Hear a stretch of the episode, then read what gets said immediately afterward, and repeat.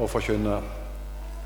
Eh, Hagge Savasense, som er med oss her i dag, han er da visepresident i, i kirkesamfunnet vårt i Japan. Eh, eh, Vest-Japan evangelisk lutherske kirke. Og han er eh, da pastor i Nishi Akashi menighet. Det er kanskje et navn som en del av dere forbinder litt med. Det var nemlig den første plassen der en NLM fikk etablere en menighet for mer enn 60 år tilbake. Eh, og denne menigheten jeg tror kan, har mine ord i behold når jeg sier at det er den største lutherske menigheten i Japan i dag. Det betyr ikke at det er, at det er så overveldende med, med, folk, men tross alt eh, en 400 medlemmer godt og vel. Eh, og han er da en, eh, en pastor for, for, denne. Han eh, Opprinnelig var han utdannet jurist og hadde begynt så smått i juridisk praksis. Men så han, kom, kom kallet, og han gikk inn på forstanderskole og ble senere evangelist og, og, forstander for menigheter. Han er en stillfarende kar En stillfarende arbeidsmaur, for å si det sånn. Eh, så han eh, tar vel vare på sine, sin flokk, og vi gleder oss nå til å høre Det var sensei. Ja,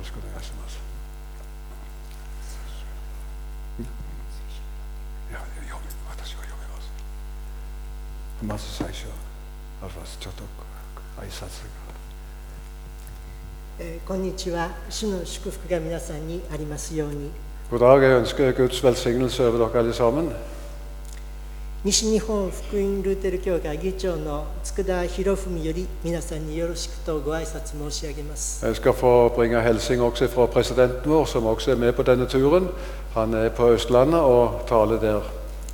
また今日幼児洗礼を受けたアンナ・マリアちゃんとご家族の皆さんにおめでとうと Og Spesielt vil jeg også si vel, gratulere og ønske til lykke med barnet som var til dåp i dag. Det var veldig fint.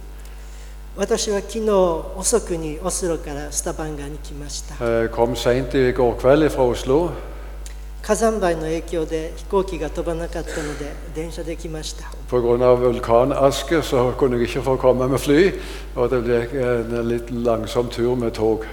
今日ここにこていることは私にとって大きな喜びです。火山灰といえば聖書で灰をかぶるということは悔い改めを表します。Så jeg tenker på Bibelens språkbruk, at det ofte er aske et uttrykk for omvendelse eller anger og bot. Men de som føyer seg inn under det, og går inn i anger og bot og, og tar opp sitt forhold til Gud, de får velsignelse, høster velsignelse av det.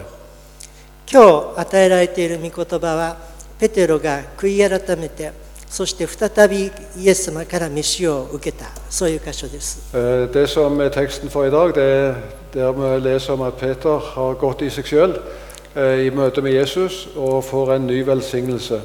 Og Vi leser der fra Johannes 21, 15.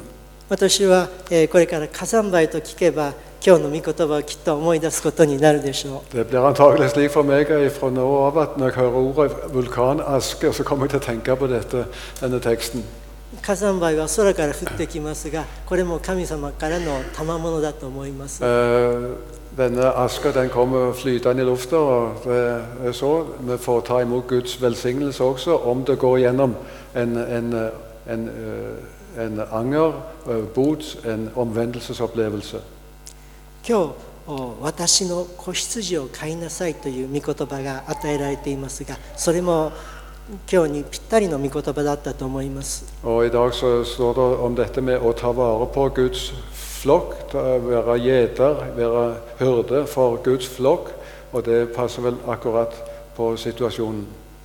ここにいる子どもたちみんなのためにイエス様が私の子羊を飼いなさい。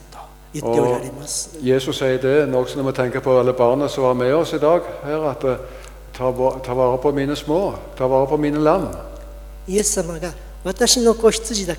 見守って養ってほしいと言われるのです Jesus sier at eh, 'jeg er den gode hyrde', og så ber han oss om å på hans vegne å ta vare på eh, sine små. それは ここにいる皆さんに与えられた主からの素晴らしい飯だと思います Det er et herlig kall som dere hver for seg har fått ifra Herren. それでは今日の御言葉ヨハネ21章の15節から19節までを読んでいただきたいと思いま Da す skal vi få lese teksten fra Johannes 21. Da de hadde halve måltid, sier Jesus til Simon Peter, Simon Johannes sønn, elsker du meg mer enn disse? Peter sier til han, Ja, Herre, du vet jeg heller av deg. Jesus sier til han, Fø lamma mine. Han sier til han andre gangen, Simon Johannes sønn, elsker du meg? Han sier til han, Ja, Herre, du vet at jeg heller av deg. Han sier til han, Gjet sauene mine. Tredje gangen sier han til han, Simon Johannes sønn, held du av meg? Peter tykte det var leit at han tredje gangen sa til han, held du av meg? Og han sier til han, Herre, du vet alt. Du vet at jeg kaller av deg. Jesus sier til han, fø sauene mine. Sannelig, sannelig, sier jeg deg, da du var yngre bandt du sjøl opp om deg og gikk dit du ville. Men når du er gammel, skal du rette ut hendene dine, og en annen skal binde opp om deg og føre deg dit du ikke vil. Dette sa han for å gjøre kjent hva slags død han skulle ære Gud med. Og da han hadde sagt dette, sier han til han, følg meg. 今日の御言葉は飯についてです。今から約60年前にガブリエル・エイクリー先生が日本選挙の飯を受けました。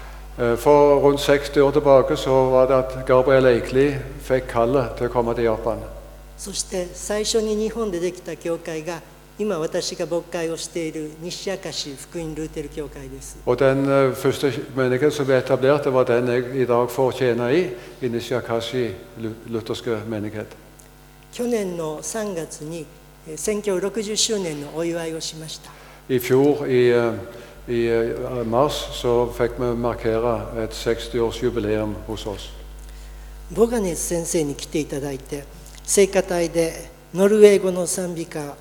ナブネイエスをノルウェー語で賛美しました。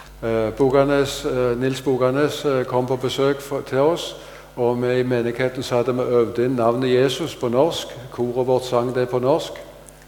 上手に歌えたかどうかは今度、ボガネス先生に尋ねてください。オムデヴァル・ヴェルカリヒ・フォルクス・ボガネスオム。西明石教会は今、3回の礼拝を毎週行っています。合計100人が集まっています。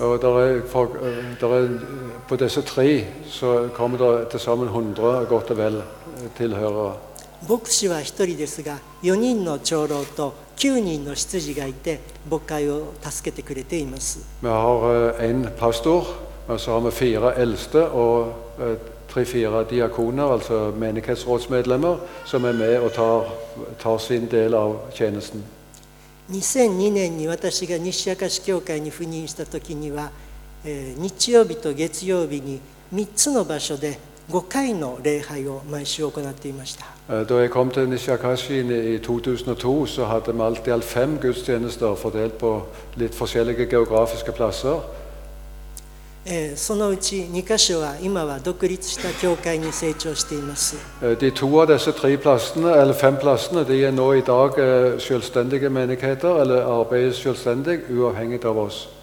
そのように教会は増えていって、今は40教会になりました。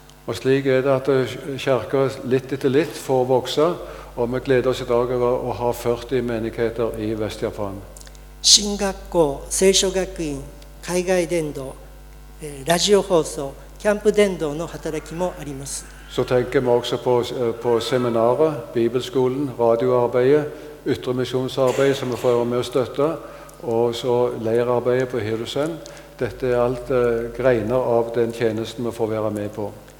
ノルウェーの皆さんの助けによってできた働きです。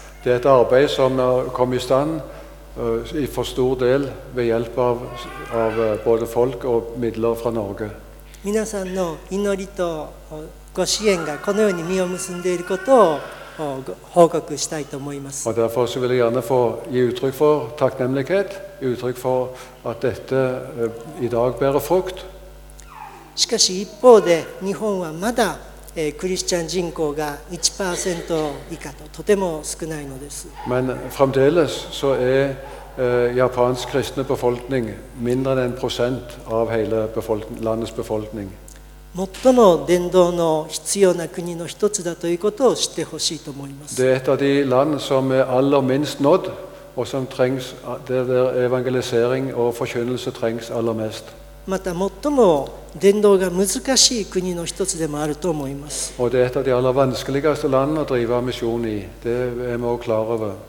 ノルウェーの宣教師の先生が最初に苦労されるのは日本語を覚えることです。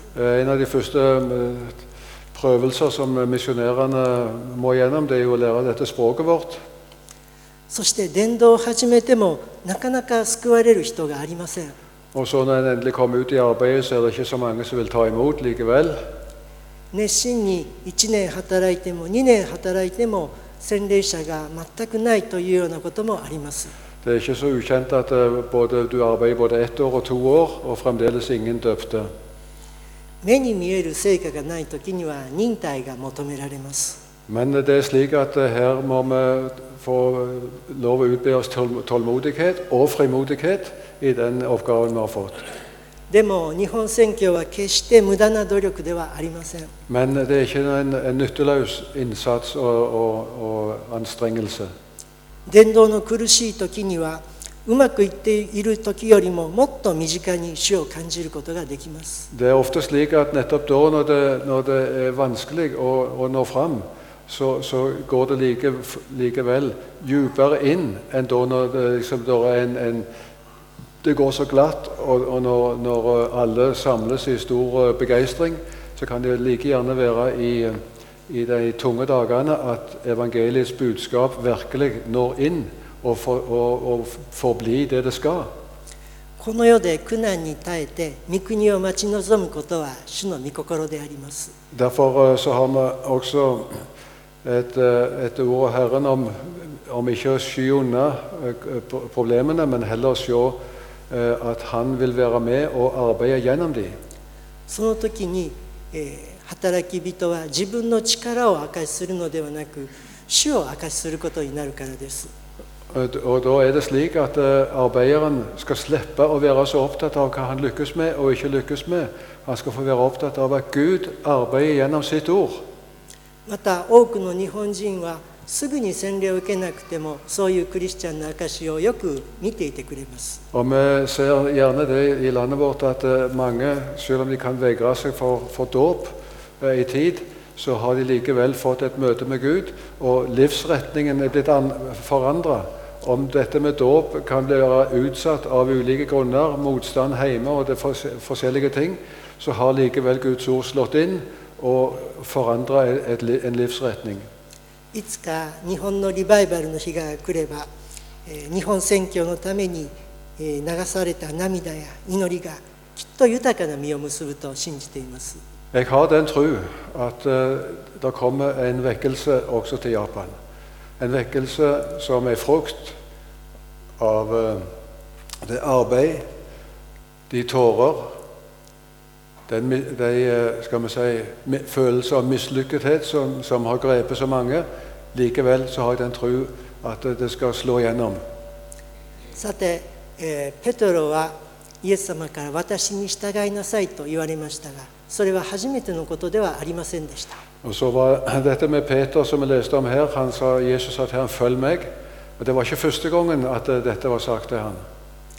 私についてきなさい、人間を取る漁師にしようと言って、イエス様はペテロを弟子にしました。Til å begynne med så møtte Jesus eh, Peter og med det kallet 'Følg meg, så skal jeg gjøre deg til menneskefisker'. それからしばらくしてペテロはイエス様から受難予告を聞きました受難の予告 Eh, Så eh, fikk eh, også Jesus, eh, Peter en, eh, en, eh, et varsel om, fra Jesus om at, eh, at eh, du, du kommer ikke alltid til å, og, og ha det lett. Du kommer til イエス様は自分の十字架を背負って私に従いなさいと言われたのですが、ペトロは何のことだかわかりませんでした。どうイエス様はわざわざ苦しまなくてもいいと思ったのだと思います。Han,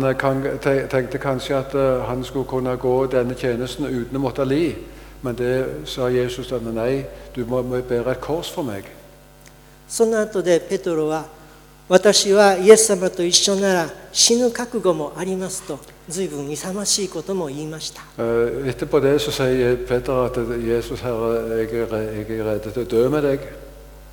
でもペトロは怖くなって逃げ出してしまったのです。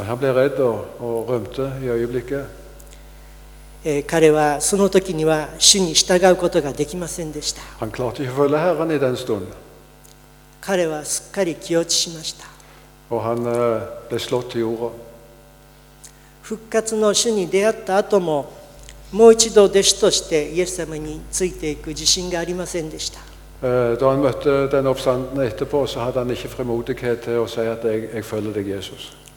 そんなペテロをイエス様はもう一度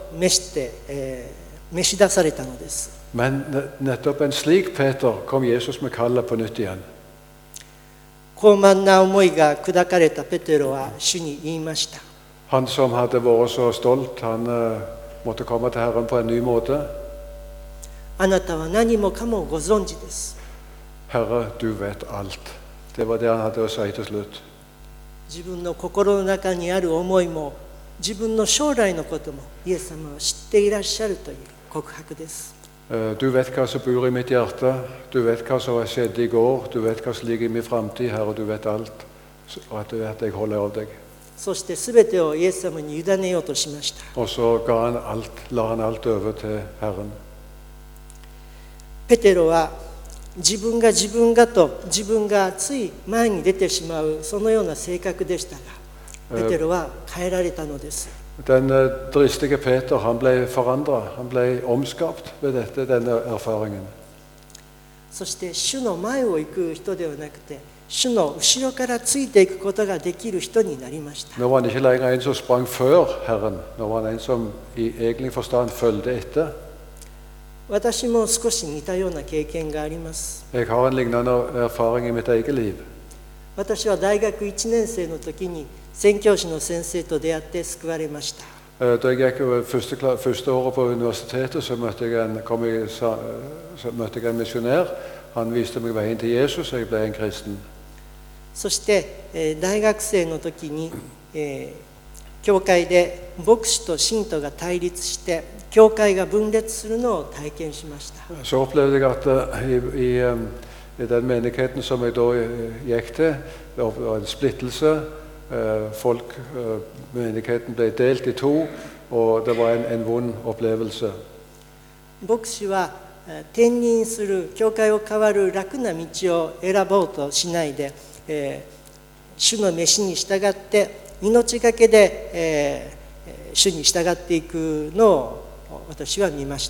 Øh, da så jeg en tjener, altså denne presten i den menigheten, som ikke valgte den lette veien, men han sto ved sitt kall.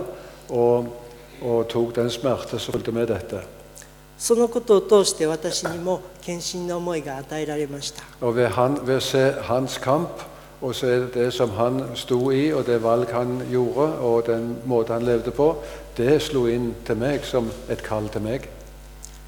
ちょうどその時に示されていたのが今日読まれたこのペテロの最小名の御言葉でした。で今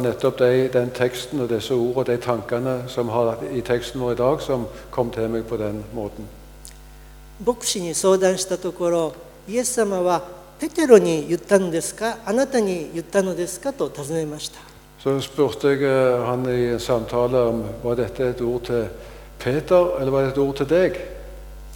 私は確信がありませんでした。eller, eh, om, for altså, eh, det var han som ble spurt. Eh, og så sa jeg eh, dessverre, jeg har ikke noe, jeg har ikke noe skikkelig svar på det. そしてその時には献身することができませんでした Og jeg klarte ikke riktig å ta steget fram til, til en, en, eh, å overgi meg til tjenesten ennå. 私は大学から検察庁で仕事をするようになりました Men da jeg var ferdig med, så da jeg var ferdig med, med universitetet og kom ut i tjeneste, offentlig forvaltning som jurist, 私の周りには苦しんでいる人が毎日毎日連れてこられました og så der møtte jeg mange folk som i ulike situasjoner var i, jeg hadde problemer. 犯罪に関わる加害者も被害者も苦しんでいました Det var et- kriminalitet, det var fattigdom, det var eh, mange uverdige ting som jeg kunne nå opplevde ute blant folk som jeg ikke hadde visst om før. 裁判をして罪を犯した人を刑務所に入れたら法律上は解決します Eh, Vel, loven den kan eh, s- fengsle en forbryter og si at dermed er det eh, avgjort. でもそれだけで罪の問題や心の傷は解決しませんでした Men det, det retter ikke opp verken i hjertets synd LDS sår som er skapt vedes am osier. 私は苦しんでいる人に福音を伝えたい、教会に連れて行ってあげたいと思いました。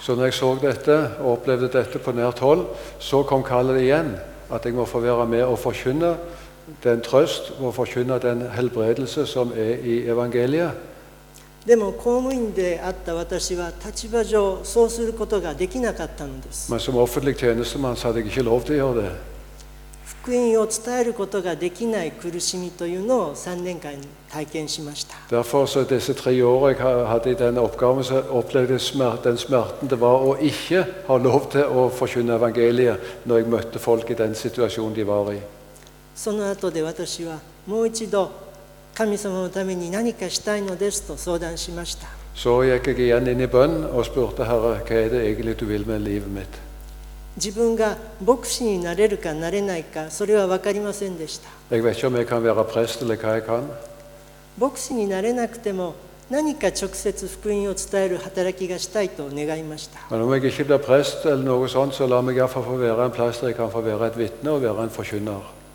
そういう私を神様は牧師になるように導いてくださいました。一度は献身を諦めたものですが神様は私を見捨てられませんでした。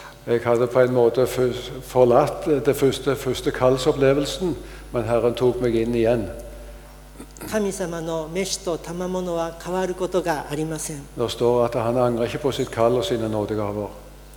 そして大学を卒業した時よりもいろいろな経験をした後のあの時が献身にふさわしい時だったのだと思います Så var det, ble det slik at heller enn da når jeg var ferdig med universitetet og var en ferdig teoretisk utdannet person, så var det nettopp den erfaringen jeg hadde vært gjennom, og de smerter jeg hadde fått smakt i disse årene, det ble det virkelige kallet for meg.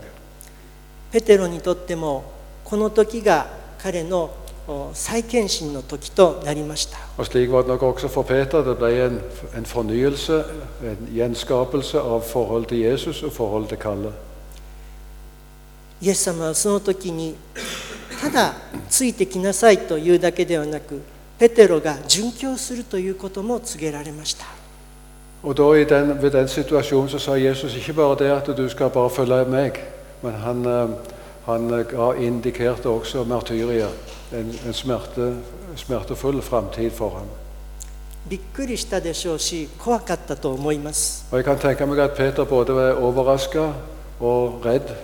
kanskje ved første, i første イエス様はペテロに私に従いなさいと強く言われたのです。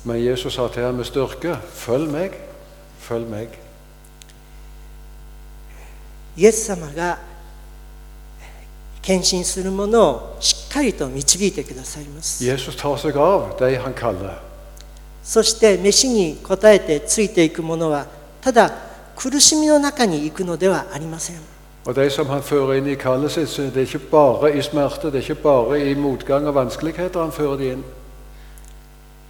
苦しい時にも主が共にいてくださいます。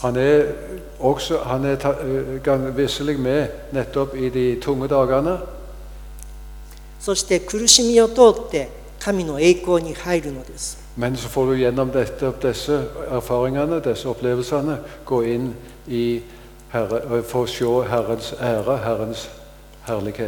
みことばにもこうあります。神の栄光を表すようになるかをペトロに示そうとされた。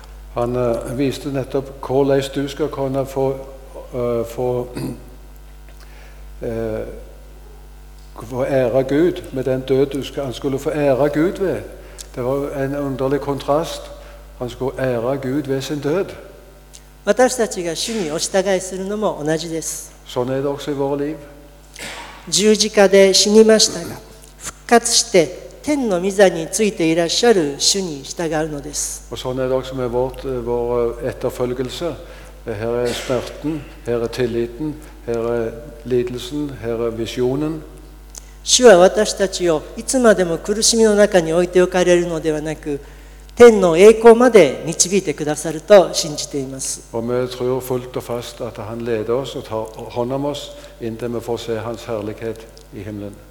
ですから私たちはためらったり恐れたりする必要はありません。